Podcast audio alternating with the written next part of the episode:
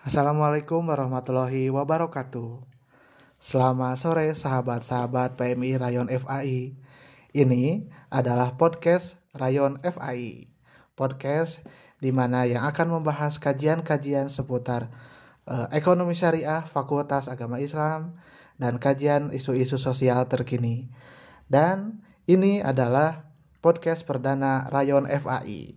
Pada podcast perdana kali ini, akan membahas mengenai uh, multiplier efek dari zakat dengan pembicara sahabat uh, mukmin mutakin sebagai kepala biro kaderisasi dan pengembangan sumber daya anggota Rayon FAI.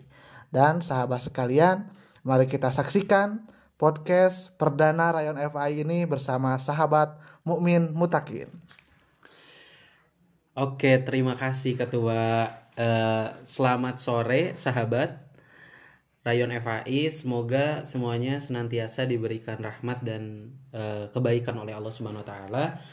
Sebelumnya perkenalkan saya Mukmin Mutakin, saya uh, angkatan 2017 dan diamanahi sebagai kepala biro kaderisasi dan PSDM. Oke, berkenaan ataupun uh, ber, berkenaan dengan zakat, kita tahu bahwa zakat itu merupakan sebuah kewajiban ya bagi setiap manusia, khususnya bagi yang mampu. Kita tahu bahwa zakat itu ada sesuatu yang memang wajib dilaksanakan dan mesti semua manusia juga melaksanakan seperti zakat fitrah dan ada juga yang memang zakat itu diwajibkan pada orang-orang yang sudah nisob dan haul atau cukup dalam hartanya kayak gitu. Nah, di sini kita berbicara mengenai multiplier efek zakat. Nah, kita tahu mungkin kalau kita sekedar melihat dari sudut pandang katanya, multiplier efek zakat itu adalah efek pengganda dari zakat itu sendiri. Analoginya seperti ini, sebenarnya multiplier efek zakat ini sudah diterangkan ya dalam Al-Quran. Itu mungkin bisa dilihat dalam Quran Surat Al-Baqarah ayat 261. Di sana dijelaskan berkenaan dengan efek ganda dari zakat itu sendiri. Adapun mungkin mekanisme dari efek atau multiplier efek zakat ini adalah kita tahu bahwa zakat itu ada yang konsumtif. Nah, kita analogikan dari zakat konsumtif terlebih dahulu. Zakat konsumtif ini apabila diberikan kepada mustahik yang delapan asnaf itu yang sudah diterangkan dalam Quran surat At-Taubah ayat 60 diberikan kepada mustahik kemudian mustahik otomatis mendapatkan keuntungan ataupun mendapatkan sesuatu dari zakat tersebut yang nantinya sebut saja keuntungan tersebut dalam bentuk uang mungkin kayak gitu. Nanti si mustahik mampu membeli sebuah produk kemudian produk tersebut itu akan secara terus-menerus dibeli oleh mustahik sehingga perusahaan akan eh, daya beli daya beli dari si mustahik tersebut eh, meningkat kemudian si perusahaan produksinya itu akan meningkat pula dan ke, peningkatan produksi tersebut itu akan meningkatkan kapasitas produksi yang akan berimbas pada penambahan e, tenaga kerja. Dan kita tahu ketika penambahan tenaga kerja maka itu akan mengurangi tingkat apa? Tingkat pengangguran.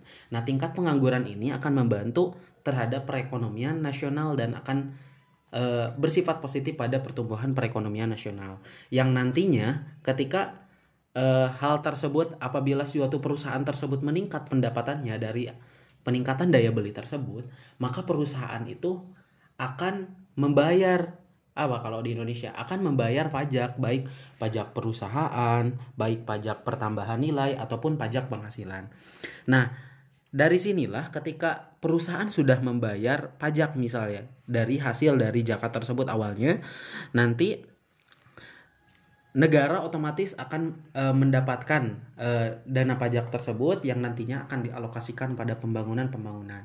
Maka dari itu, apabila zakat sudah terhimpun semuanya, potensi-potensinya sudah sudah terhimpun, maka pembangunan-pembangunan yang ada di Indonesia ini akan merata dan sejahtera. Katakanlah zakat ini mampu memberikan dampak yang positif terhadap perekonomian dan kesejahteraan masyarakat.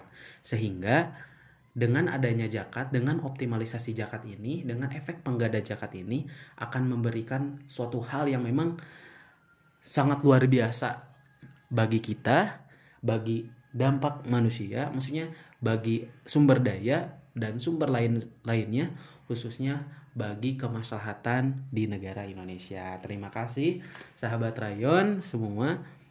Uh, mudah-mudahan ada manfaatnya dari apa yang sudah disampaikan. Ini awalan dari diskusi kita, dari penyampaian kita.